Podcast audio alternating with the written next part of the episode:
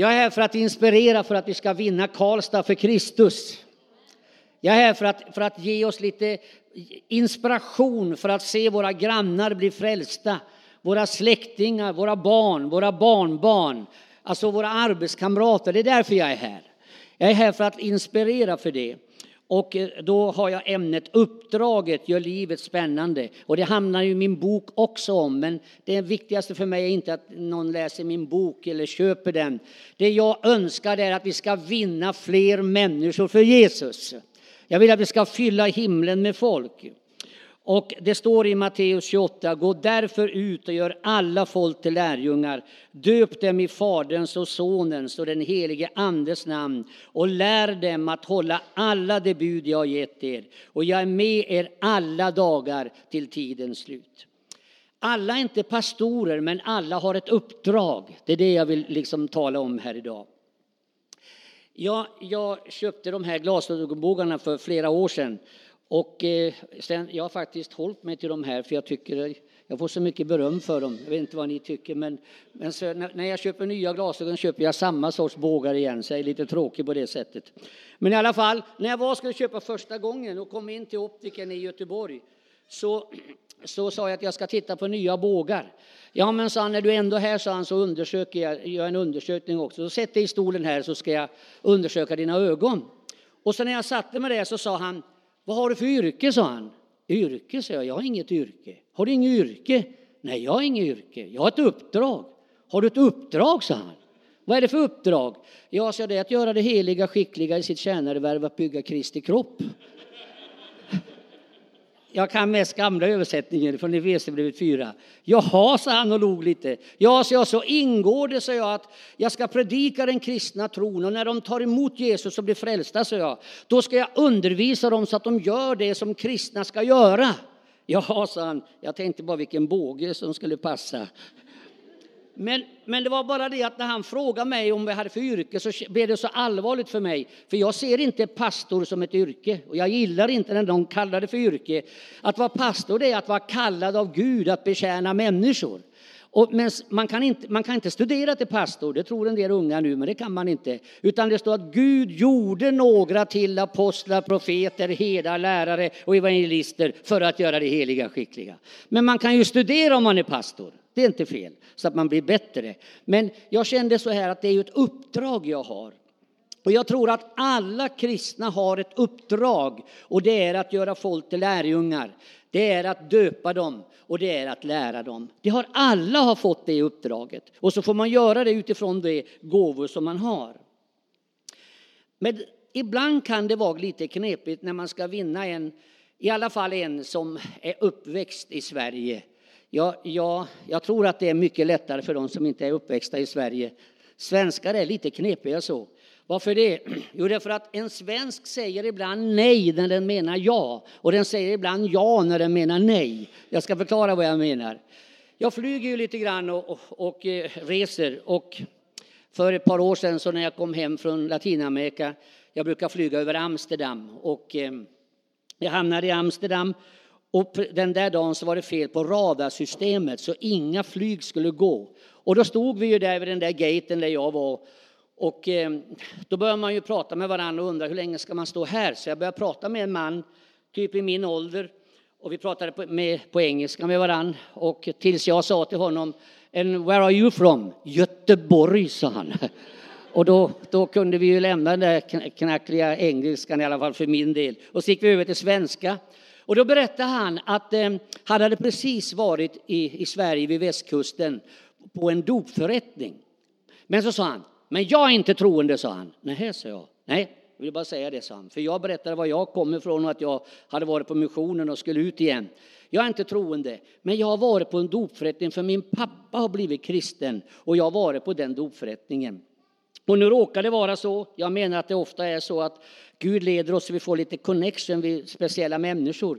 Då berättade han att det var en man från Florida som hade kommit hem till Sverige just i den dopförrättningen för han skulle döpa hans pappa. Och jag råkar känna den mannen från Florida. Och därför fick vi lite extra connection, jag och den här mannen, och vi hade ett trevligt samtal. Men så sa jag när jag stod där, du, när du och jag står och pratar här, så kommer jag att tänka på en bibelvers jag, när jag pratar med dig. För du är ju inte troende. Nej, jag är inte troende, sa han. Nej, men så jag, du vet, det finns ju gamla testamentet och så finns det nya. Men det vet jag, sa han. Jaha, jag tänkte du är inte troende. Nej, Nej men det vet jag, sa han. Ja, så, och sen nya testamentet, så det börjar med Matteus, det vet jag också, sa han. Ja, Okej då, sa jag. Sen kommer Markus, Lukas, Johannes, det vet jag också, sa han. Men, men sen kommer apostlagärningarna, det vet jag med, sa han. I sjuttonde kapitlet, sa jag. Där står det så här, och den versen kommer jag att tänka på när jag står och pratar med dig. Det står så här, Gud är inte långt borta från någon enda av oss. Och när jag står och pratar med dig, du är ju inte troende, och, och, men jag är ju det, så jag. Och jag kommer ju att be till Gud nu, och så jag, när, när, om, vi, om vi bara kommer på ett plan och, och det startar, då kommer jag att be, så jag. För jag ber alltid när det startar, man vet aldrig vad som händer sen. Så, så, så jag, jag kommer att be då, så jag. Men, men i alla fall så, när jag tänker på det här att Gud är inte långt borta från någon enda av oss, då tänker jag på dig. Och så tänker jag så här, du är ju inte troende, men om du skulle be någon gång så kommer Gud att höra dig, för han är ju lika nära dig. Det vet jag väl, sa han, för jag ber faktiskt ibland. Varför säger jag det här? Jag säger det för att jag vill inspirera dig, för det kan mycket väl vara så att det är precis likadant med din granne. Även om grannen har sagt jag tror inte på Gud, men du vet, sen när han är ensam där i sängen så knäpper han sina händer eller hon och så ber han en bön till Jesus. Jag vill bara ge dig lite kurage inför det. Alla är inte pastorer, men alla har ett uppdrag. Och det jag, det jag önskar är att fler ska bli frälst i Karlstad. Är det någon som håller med mig? Tycker ni att fler ska bli frälsta? Är det någon som har någon som du tänker på som du vill ska bekänna Jesus som sin Herre? Du behöver inte berätta det alltså. Men tänk gärna på den när jag, när jag talar en stund här. Jag skulle ge några tankar bara. Vad ska vi göra för att fler ska bli frälsta i Karlstad? Jag tänker på Karlstad nu, för vi är ju här. Men är, jag vet ju att någon är från Forshaga, så det går bra där också. Och det kanske är någon från någon annan by här också, det är väl runt omkring. Men jag vill att folk ska bli frälsta här i hela Sverige, men nu tänker jag på er där du bor. Vad ska man göra? Och jag har fyra punkter. Nummer ett, be om den helige Andes kraft. Det står i Apostlagärningarnas första kapitel och vers 8. Ni ska få kraft när den helige Ande kommer över er och ni ska vittna om mig i Jerusalem och hela Judeen och Samarien och ända till jordens yttersta gräns. Det främsta tecknet på att man blir fylld med anden, det är att man vill vittna. Predikanterna i min ungdomstid och innan dess, många och många pingstpredikanter, de kanske ofta sa att det, det främsta tecknet på andens dop är att man talar i tungomål. Nu älskar jag att tala i tungomål. Det, det, det kommer jag att berätta också jättekort. Men, men, det, men själva huvudpunkten Alltså själva idén med att bli fylld med helig ande, det är att vi ska få kraft att vittna om Jesus Kristus. Levi Petrus han sa det, det är det främsta tecknet. Levi Petrus var en av förgrundsfigurerna för pingströrelsen i många år. Han sa det att det främsta tecknet är att vi vill vittna om Jesus. Och jag tror att om vi ska komma igång och vittna mer, om vi ska bli frimodiga, om vi ska prata med våra grannar, prata med våra medmänniskor, så behöver vi först, först och främst be om den helige Ande. Jag är uppväxt i ett kristet hem. Pappa var predikant, han hette Georg Johansson om någon skulle komma ihåg honom. Men han var ganska välkänd på sin tid. Mamma var barnmorska av den gamla sorten med en sån där riktig, jag får säga keps, men det var ju någon båtmössa de hade på huvudet. Men hon var den gamla sorten och höll ordning på gubbarna om de kom på förlossningsavdelningen. Men mamma och pappa var ju kristna och vi var ju fem barn i familjen. Och jag minns när jag var i 10-11 års åldern så brukar mamma och pappa samla oss barn runt sovrumssängen. Och då fick vi böja våra knän där och så lade de händerna på oss och så bad de att den helige ande skulle komma över oss. Och, och jag, vi hade många sådana stunder och jag minns särskilt en gång när de ber för oss att anden ska komma över oss. Och jag, var, jag kanske var 11 år, men jag blev så inspirerad när de bad för mig vi, vi bodde på andra vi hade tvåvåningshus, vi var uppe på andra våningen. Och när, när de bad för oss, anden kom över mig, jag kände käre Gud. Så jag lämnade min plats vid sängen och sprang ner till undervåningen och ut på gatan och bort till lekplatsen. Och så ropade jag allt vad jag kunde. Kom in får ni bli andedöpta allihop. För jag kände käre Gud, det måste ju hela världen få vara med om. Vad jag vill säga det är, när anden kommer över oss, då vill vi vinna världen för Jesus. Och därför skulle jag vilja säga, vad behöver Pingstkyrkan Karlstad ännu mer av? Jag kan säga att det känns jättehärligt här. Och jag håller med om du som leder mötet att hon är grym, ungdomspastorn som leder de här sångarna. Det känns jättebra här. Men vad Pingstkyrkan Karlstad ska kunna få uppleva ännu mer, det är mer av den helige Ande. Vad säger ni om det? Ännu mer av den helige Ande. Så att det börjar ännu mer brinna i våra hjärtan för att vi ska få vinna våra medmänniskor för Jesus. Mer av helig ande gör oss fokuserade på uppdraget. Men jag vill ändå slå ett slag för det här med tungomålstalandet. Det finns ju flera gåvor tillsammans med en helig ande. Att profetera, att tala i tungomål, att, att få tala visdom, kunskap, att få be för sjuka som blir helade, kraftgärningar. Det finns ju en hel del spännande saker, men jag vill ändå säga det att tungomålstalandet, det är den gåvan som vi har för att vi ska bli frimodiga. Tungomålstalandet är som att stå för uppladdning. Ni vet, vi laddar ju telefonerna så ofta och vi ska ha dem uppladdade. Att tala ett tungomål, det är att stå på uppladdning. Man får en kraft. Och för min egen del så talar jag i tungomål det första jag gör på morgonen. Jag gör det under dagen, jag gör det när jag kör bil. Man behöver inte blunda för att tala tungomål och man behöver inte föra väsen heller.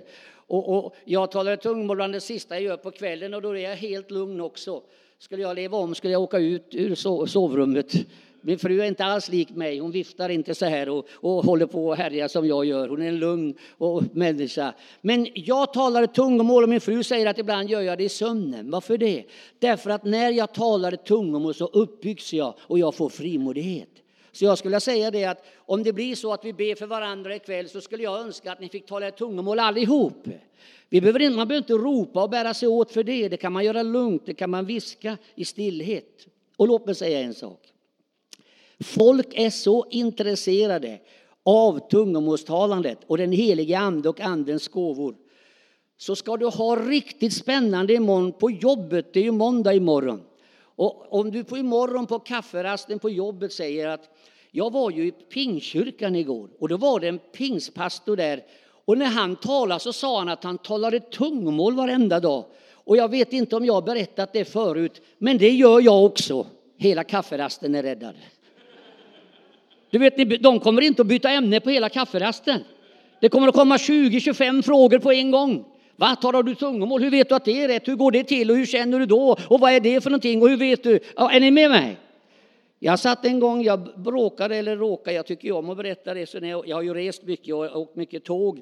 Jag satt i restaurangvagnen en gång och så berättade jag vid vid bordet där jag satt så berättade jag att jag var frälst och trodde på Jesus och att jag tyckte det var härligt och var fylld med helig ande. Och jag berättade att jag talade tungomål och det började med att jag sa det till en person som satt vid mitt bord och det slutade med att hela restaurangvagnen var involverad i mitt samtal om att Gud kan fylla med helig ande. Du måste inte göra som jag säger. Jag bara säger att kafferasten är räddad imorgon om du gör detta. För folk är så intresserade av det som är utöver det vanliga. Folk är så intresserade av vad Gud kan göra och den andliga verkligheten. Be om den helige andes kraft. Det andra, det är vad ska vi göra för att försöka vinna människor för Gud? Berätta om Guds rike. Det står i Lukas 9, 1-2. Han kallade samman de tolv och gav dem makt över alla demoner och kraft att bota sjukdomar.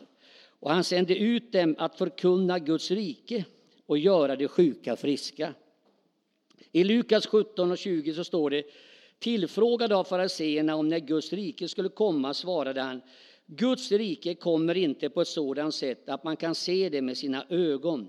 Ingen kan säga här är det eller där är det. Nej, Guds rike är inom er. Jesus han sa inte så här, gå ut i hela världen och berätta om kyrkan. Alltså Jesus sa gå ut och gör lärjungar. Jesus har inte, det är inte i första hand kyrkan vi ska berätta om. Och jag tror faktiskt att kristna ofta gör den missen när man ska vinna människor för Gud. Det är inte fel att bjuda hit folk här, men det är inte det som frälsar folk. Utan det vi behöver göra är att berätta om, om Guds rike. Alltså om det som vi har inom oss, det som finns här inne. Det står så här, eftersom ni är söner har Gud sänt sin sons ande in i vårt hjärta och den ropar Abba fader. Det är mest Sam som svarar, men jag tror att han, han svarar å allas vägnar. Men, men ni känner igen det här uttrycket Abba fader. Ett mera förtroligt namn för pappa. Jag tycker om det där Abba. Ni har redan fattat lite grann, ni som inte har hört mig förut. Jag är ganska spontan av mig. Eh, min fru är lugnare så ni kan, eh, ni kan ta det lugnt. Så hon balanserar det hela. Men i alla fall när jag var på en konferens en gång så var jag lite i stöten så där. Jag gick och hälsade på ungdomar och jag tog en tjej i handen och så sa jag Abba, sa jag. Då tittade hon på mig och så sa hon Roxette. Men, men det var inte det jag menade. Jag menade just, tänk vad härligt det är att vara frälst. Är ni med mig? Alltså det är ju det, Gud har sänt sin sons ande in i våra hjärtan som säger Abba fader. Det är någonting som har hänt här inne. Och det jag skulle vilja inspirera till, det är, tänk om jag kunde få två eller tre av er som är här idag, inom två månader, att berätta för någon i Karlstad med omnejd, din granne, din kompis, din son, din moster, vem det nu är, din arbetskamrat, vad du har här inne. Låt mig bara fråga, Guds rike är invärtes i er. Vad har ni här inne för någonting? Om, om du skulle säga, till, berätta för någon granne, vad skulle du säga? Här inne har jag...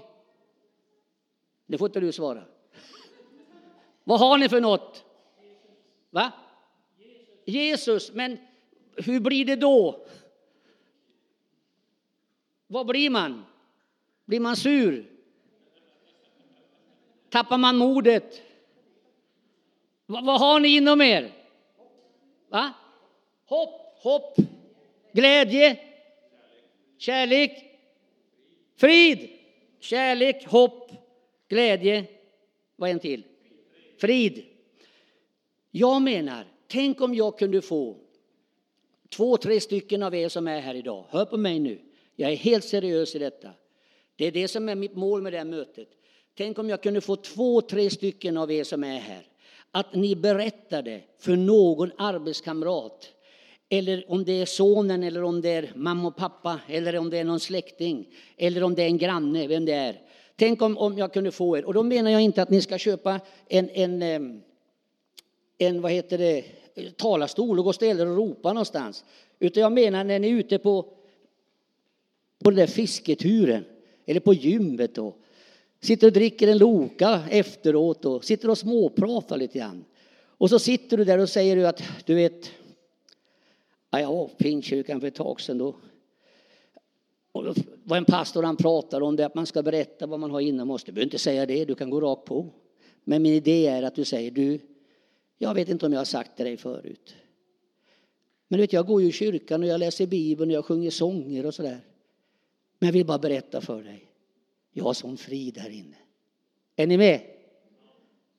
Jag vet inte om jag berättar för dig. Jag har sån glädje här inne. Är ni med? Är det, fattar ni vad jag menar? Alltså om, har, om, om man kan lyckas med ett möte, om man nu kan det, och vad är lyckas?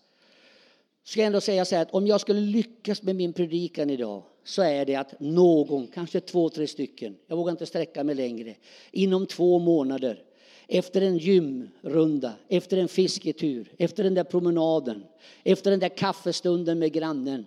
Du bara lutar dig tillbaka lite grann. Du, jag kanske skulle sagt det förut. Jag vet inte om jag har sagt det. Men vi skojar i kyrkan, kan jag säga att det är jätteroligt varenda gång. Men jag måste bara berätta, här inne har jag frid. Är ni med? Här inne har jag glädje. Här inne har jag kärlek. Alltså, jag menar att vi behöver berätta om Guds rike. Vi behöver berätta, berätta vad vi har här. Du behöver inte, det är inte i första hand att det finns en flygel här och att det finns bas och att det finns trummor, att det finns fina ljus. Och det är inte ens att ungdomspastorn är grym. Det är inte det som är den stora grejen. Den stora grejen är, vad har vi här inne? Har ni förstått mig? Tänk om jag kunde få någon av er. Ja, jag säger två, tre. Tänk om jag kunde få fler. Ja, jag, jag ska hämta lite vatten. Jag visste att jag mer. Men i alla fall. Jag skulle åka en gång med tåg ifrån Luleå ner till Jönköping. Och det tar ett dygn i stort sett. I alla fall gjorde det då. Och jag steg på tåget i Luleå klockan 12 vid lunchtid. Och hade en annan pastor med mig som hette Urban. Ni behöver inte gå igenom alla Urban nu, ni känner för ni kommer inte komma på vem det är. Men i alla fall, så när vi går på så går vi och äter en liten lunch först i restaurangvagnen.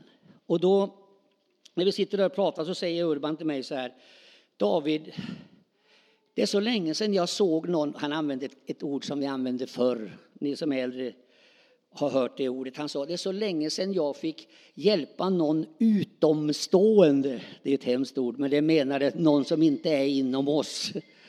Som jag fick hjälpa till och som inte är släkt med oss eller något sånt där. Någon helt främmande människa. Det är länge sedan jag fick hjälpa någon sån till Jesus. Ja, men Urban, så jag, vi, har, vi, vi, vi ska ju vara här ett dygn. Du, det, när vi kom in i sovvagnskupén, det var ju tre platser och nu såg vi ingen annan där, men det kan ju komma en till. Vi kan väl be att den blir frälst i natt? Ja, sa han, vad tror Kan man göra det? Ja, det kan man väl göra, så det har jag varit med om förut. Ja, sa han.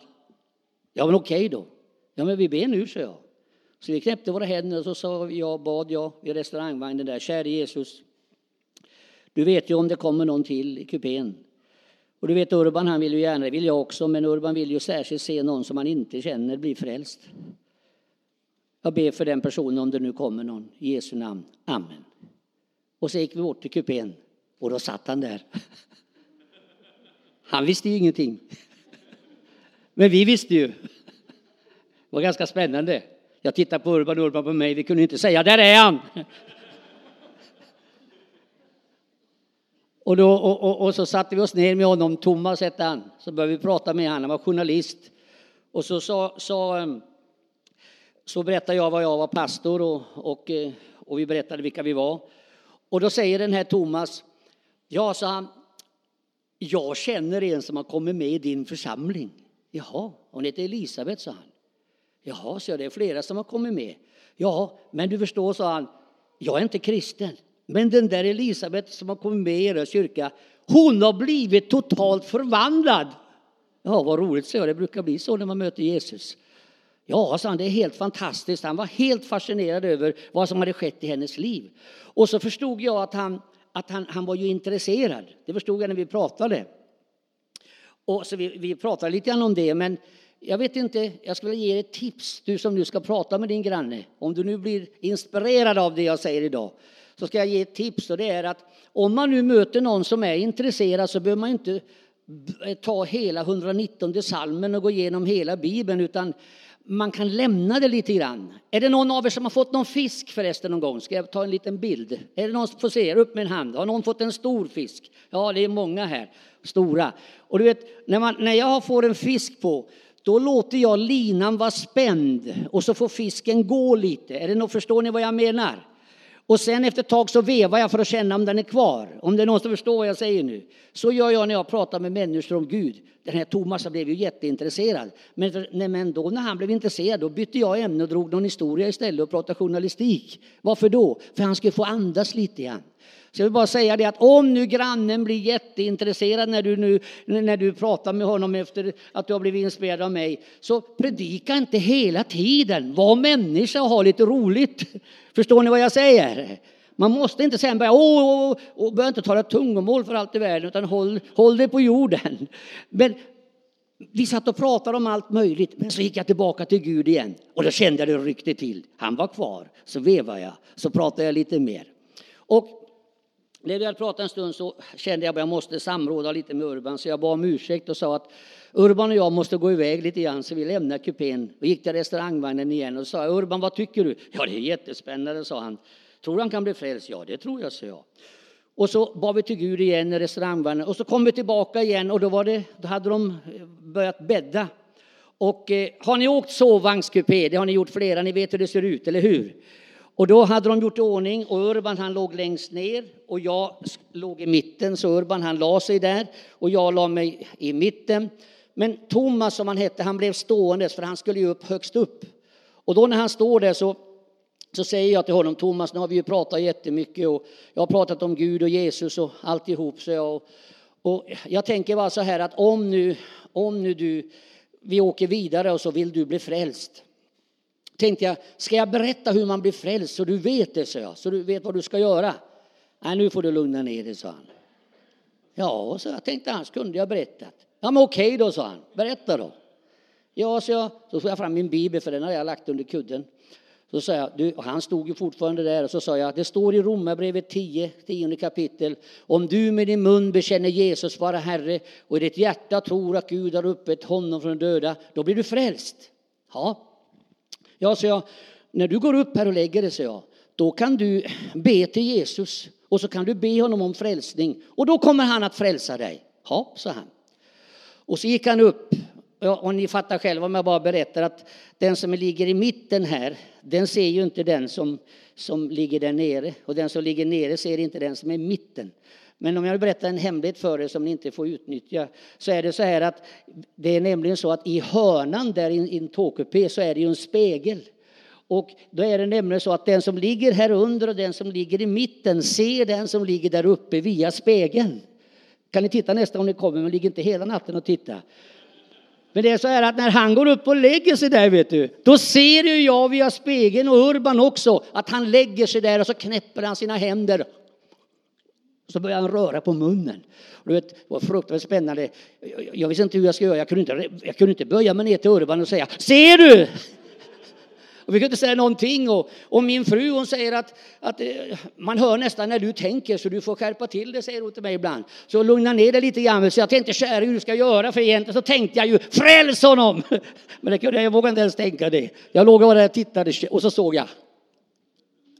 Fattar ni? Och så ligger vi bara och väntar där. Och så rätt vad det är när han har legat och rört på munnen och vi ser honom så säger han. Hörni ni? Ja, säger jag. Jo, sa han. Nu har jag gjort som du sa. Jag har bett Jesus om frälsning och jag tror att jag är frälst för det pirrar här inne. Vad säger ni? Alltså det sker någonting här inne när man blir frälst.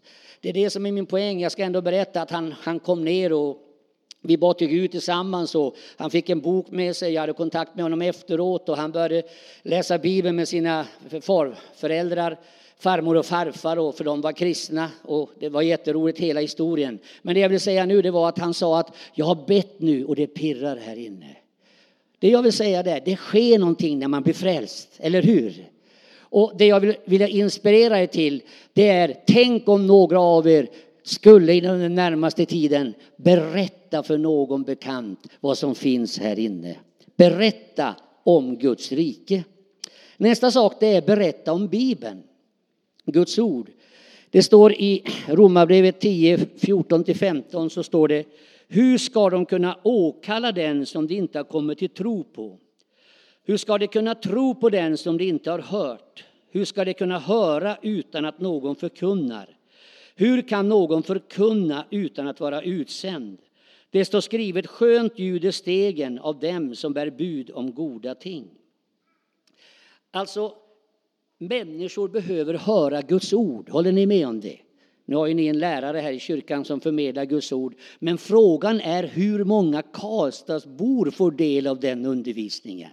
Och när det är mycket folk här idag och det är jätteroligt. Och när jag är ute och reser så brukar pastorn berätta varför det är mindre folk den här söndagen. Men det har inte du gjort. Så du ser helnöjd ut. Det är mycket folk. Jag gjorde ett överslag. Jag försökte räkna men det kan faktiskt till och med vara uppåt 150 människor, kanske mer. Jag är dålig på att se alla. Men det är ju bra med folk, det är en härlig atmosfär. Men hur många Karlstadsbor är på gudstjänsterna här på helgerna? Alltså hur många av alla de här som vi skulle vilja få möta Jesus jag är inte här för att säga att ni gör det dåligt. Jag är jättefascinerad över det här mötet. Det är en härlig atmosfär. Och jag tror säkert att du finns här. Är du här som ännu inte har bekänt Jesus som Herre så, så är det väl bara ogjort som de säger i Norrland. Du har ändå tagit dig hit en söndag eftermiddag. Så jag skulle tro att du är i stort sett frälst du också. Men min poäng är hur många Karlstadsbor får höra undervisningen som serveras i den här kyrkan. Och jag vet inte hur många människor ni har från Karlstad varje helg, men, men jag vet inte, kan ni ha 10, 15, 20 på sådana här gudstjänster som ännu inte, som ni inte vet om? Kan det vara så många? Det kan det vara, va? För ni ligger ju mitt i centrum.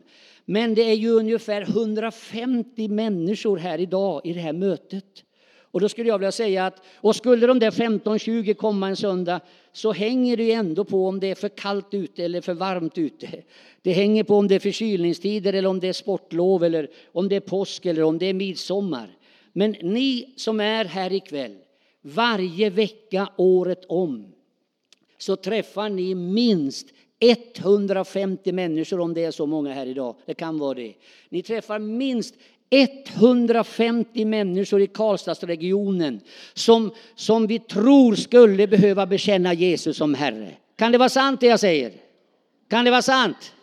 Varje vecka året om så träffar ni så många människor. Vilket väckelsemöte! Och då är frågan den, hur ska de här 150 kunna åkalla den som de inte har kommit till tro på? Hur ska de här 150 kunna tro på den som de inte har hört? Hur ska de här 150 kunna höra utan att någon förkunnar? Hur kan någon förkunna utan att vara utsänd? Det står skrivet, skönt ljuder stegen av dem som bär bud om goda ting. Jag vill bara inspirera över att visa att vi också delar Guds ord som kristna. Jag menar inte heller nu att du behöver köpa någon talarstol och ställa och ropa i något hörn. Jag är inte alls säker på att det är bra. Jag pratar fortfarande om de här stunderna som man har efter gymmet, efter promenaden. De här relaxstunderna efter fisketuren, efter när man har plockat bär eller, eller när man har skottat snö tillsammans eller vad man nu har gjort. Alltså det där, det där mitt i vardagen. När jag bodde i Göteborg, det är inte så länge sedan, så bodde vi i en radhuslänga. Och bara för att bara berätta ett exempel hur jag tänker så var det så att bakom våran radhuslänga där vi bodde, min fru och jag, så, så var det ju eh, vad heter det, massa träd som skymde solen. Så när min fru kom hem på eftermiddagen från jobbet och ville sätta sig i solstolen och sola lite grann så fick hon inte mycket sol på sig. Och då tänkte jag, eftersom jag värnar om min fru och hennes små stunder. Så en dag när grannarna var borta och jag var, for hem ensam så tog jag fram en stege och så gick jag bakom där. Det, var, det var inte mina träd kan jag väl erkänna nu, men det är ingen som bråkade på mig i alla fall. Då tog jag en stege och gick upp i, i, i träden där. Det var ju det var, ju, eh, det var ju eh, träd hela vägen bakom radhuset. Så tog jag en stege här och så kapade jag alla topparna här bakom vårt. Så då var det ju träd hela vägen så här. Sen var det här våran och så var det kortare så här. Sen gick det upp igen och så var det så där. Så när, när min fru kom hem och, från jobbet så kunde hon sätta sig i solstolen och sola. Och då gick det bara några dagar så kom grannen bredvid mig. Han kom inte och bråka. Han sa du min fru vill också sola. Så då var det upp med två stegar och så var vi där på hans tomt och så sågade vi av alla toppar på den sidan. Så både min fru och hans fru kunde sola. När han och jag hängde där på de där stegarna där, eller stod på dem och höll på där, då plötsligt kommer jag på ett Guds ord. Och då säger jag till honom, du när vi, när vi sågar här så kommer jag att tänka på Guds ord. Det är så bra med Guds ord. Vet du vad han sa då? Mm, det kan jag lära dig. Svenskar säger inte mer än så. Alltså om du berättar för grannen, han kommer inte att säga halleluja! Nej, han säger bara mm. Jag bara berättar det. Då sa han mm, sa han. Ja, jag tyckte det var skönt, fick det sjunka ner. Men sen gick vi ner till honom och så tog vi en kopp kaffe. Jag hade ju träffat honom förut, jag hade serverat Guds ord förut och sådär. Och då säger han till mig, David, sa han, nu, nu är väl inte jag mycket mindre kristen än vad du är? Nej men sa det är väl samma. Tror du det, sa han. Ja. Bara någon dag senare var vi inne i hemmet där, satt med honom och hans fru och ett par grannar till. Och när vi sitter där, då säger hans fru, hörni, jag vill bara berätta en sak. Jag måste bekänna, jag vill också tro på Gud och jag vill tillhöra Gud. Och då säger hennes man, ja det är ju så med mig också. Och då säger den andra grannfrun, ja det är lika med mig. Och då säger hennes gubbe, jag med. Alltså folk är så nära. Men vi behöver citera Guds ord, vi behöver dela Guds ord. Och därför skulle jag vilja säga att folk behöver höra om Bibeln och om du och jag berättar så får de höra Guds ord. Sista punkten, berätta om himlen. Det står i Johannes 3 och 16. Så älskade Gud världen att han gav den sin enda son för att det som tror på honom inte ska gå under utan ha evigt liv. Det står i första Thessalonikerbrevets fjärde kapitel från vers 13. Bröder, syskon, vi vill att ni ska veta hur det går med dem som avlider så att ni inte behöver sörja som de andra, de som inte har något hopp. Om Jesus har dött och uppstått, vilket vi tror, då ska Gud också genom Jesus föra till sig de avlidna tillsammans med honom. Med stöd av vad Herren lärt oss säger vi detta, vi som är kvar här i livet och Herren kommer ska inte gå före de avlidna. Ty när Herren själv stiger ner från himlen och hans befallning ljuder genom ärkeängelns röst och Guds basun, då ska de som är döda i Kristus uppstå först. Och därefter ska vi som är kvar i livet föras bort bland molnen tillsammans med dem för att möta Herren i rymden. Och sedan ska vi alltid vara hos honom. Ge nu varandra tröst med dessa ord. Jag tror att vi behöver berätta för våra grannar, för våra bekanta, att det faktiskt är så att man behöver inte ens vara rädd för att dö. För att om man lever med Jesus så finns det evigt liv tillsammans med Jesus. Är ni med mig? Alltså, jag tror att det är särskilt viktigt i Sverige. Jag vill inte raljera med döden, det vill jag absolut inte göra. Jag ska själv eh, på begravning på, på nästa fredag, en nära anhörig som har dött, så jag vill inte raljera om det. Men jag vill säga att i Sverige är det ju så här att, eh, att man räknar inte med att man ska dö. Jag är ju i Latinamerika, jag är i Afrika nu och då och där ingår ju döden i livet. Så det blir inte samma dramatik när någon dör, för man räknar med det. Men i Sverige så gör man inte det. Kan ni hålla med mig att det är lite mer dramatik i Sverige? Utan, men utomlands är det så att man räknar med att man kommer att dö någon gång. Och därför menar jag att här i Sverige behöver vi särskilt berätta om att det finns evigt liv i Jesus Kristus. Jag, jag säger inte att jag går och längtar efter dö. Jag tänker på det andra som förkunnar det här om himlen. Jag tänker på han som sjunger alla vill till himlen men ingen vill dö. Vad heter han? Ja, du vet till och med om sådana profana. Men i alla fall, så han sjunger det alla vill till himlen men ingen vill dö. Men, men det är klart vi vill inte dö, men jag tror att folk vill till himlen. Men vi behöver berätta om himlen för att folk ska veta om det. Nu, det är inte så att jag går och tänker så här, tänk om jag dör imorgon. Det är det inte alls. När jag var i tonåren så predikade jag också om evigt liv och jag predikade om att vi, vi kan dö och, och vi, vi, vi, lever ändå. Men, men sen så sa jag till Jesus att när jag var i tonåren, Jesus, du får gärna komma, men det är klart, kunde du vänta tills jag får en tjej vore det bra. och sen eh, när jag äntligen fick en tjej, det tog jättelång tid för mig, jag trodde aldrig jag skulle få någon. Men i alla fall när hon äntligen kom, då sa jag Jesus, det är klart du får komma, men kunde jag få gifta mig först vore det också fint. Så det har jag hållit på med Jesus hela livet. Så sen så sa jag bara att du kan väl vänta tills vi får barn. Och, och sen sa jag att du kan väl vänta tills vi får barnbarn. Nu har vi ju sex barnbarn. Men då klämde jag till med att Jesus, du kan väl vänta så att ett av barnbarnen går testamission först. Så jag håller på med Jesus så hela tiden. Det är inte så att jag går och tänker, oh jag ska dö imorgon. Men det jag vill säga det är, lever vi så lever vi för Herren. Dör vi så dör vi för Herren. Om vi lever eller dör hör vi Herren till. Är det bra? Jag tror att vi behöver lyfta varandra i detta, att det finns evigt liv i Jesus Kristus. Men jag tänker på din granne som kanske har en släkting som har blivit svårt sjuk eller den har blivit sjuk själv eller den, den fasar lite grann över hur blir det med döden. Vi behöver berätta att det finns evigt liv i Jesus Kristus. Håller ni med mig? Jag tror att om vi berättar detta så kommer folk att känna, ja men jag behöver Jesus Kristus. Jag var med om en, en dråplig sak bara för något år sedan när pappa var predikant i Skellefteå på 50-talet så fick han en medarbetare som hette Bengt Johansson. Och eh, de var ju unga båda två då och barnen växte fram. Jag är ju född 51 då. Den familjen fick fyra barn, pappa fick fem barn. Och vi har umgåtts från och till genom hela livet. Ibland har vi bott hos varandra och kommit varandra jättenära. Men så har livet gått och så så dog eh, Bengts fru, dog, flyttade hem till Herren först och sen efter det var det pappas tur och sen efter det så var det min mammas tur och nu fanns bara Bengt kvar och det är två år sedan. Och han var 87 år, bodde, hade gift om sig sen på äldre dagar efter att hans fru hade dött och sen så flyttade han till Skillingaryd som är bara några mil från Jönköping. Och jag hade mitt kontor där då. Och en dag så ringer telefonen och då säger hans fru då att om du vill träffa Bengt måste du komma nu för han dör snart. Och jag satte mig i bilen och tänkte jag åker iväg till Skillingaryd, det är bara några mil. Och jag tänkte på resan dit att vad ska jag säga till honom? Och jag tänkte på något tröstens ord och vad ska jag trösta honom med nu när han ska dö? Och, och, och, så åker jag dit och tar hissen upp och ringer på dörren. Och när jag öppnar dörren så vinkar han åt mig i soffan och ligger där. Och, och han härjar inte så här som jag gör och pratar högt, han pratar tyst. Och så sa han, David som var roligt att se dig. Det är så härligt, jag ska dö. Jaha, sa jag. Jag tänkte, vad ska jag trösta med? Det, förstår, det är så fantastiskt. Jag har kämpat den goda kampen, jag har fullbordat mitt lopp och nu ska jag möta Jesus.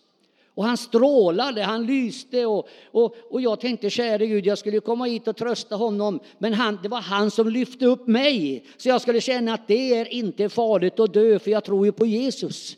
Och vi, vi, jag sjöng en sång för honom, jag hade precis skrivit min bok så han fick den, den hann han aldrig läsa för han dog någon dag efter sen. Och han sa till mig när jag satt där, jag kan dö när som helst. Men han var så glad i Jesus. När jag får tillbaka till mitt kontor sa jag till mina unga medarbetare som ju, de är allihop 40 år yngre än mig. Och då sa jag till dem, jag har varit på något jättedråpigt, jag har varit hälsat på en som ska dö och det var hur roligt som helst. Jag vill bara säga fortfarande, jag raljerar inte med döden, men det var fantastiskt att möta honom som skulle dö. Han hade en upplevelse av nu ska jag snart få se Jesus. Vi ska berätta om himlen, är ni med? Du har någon granne du behöver berätta för. Vi, det är inte så att vi raljerar med det, men vi säger att vi har hopp inför framtiden. Vi tror på en framtid.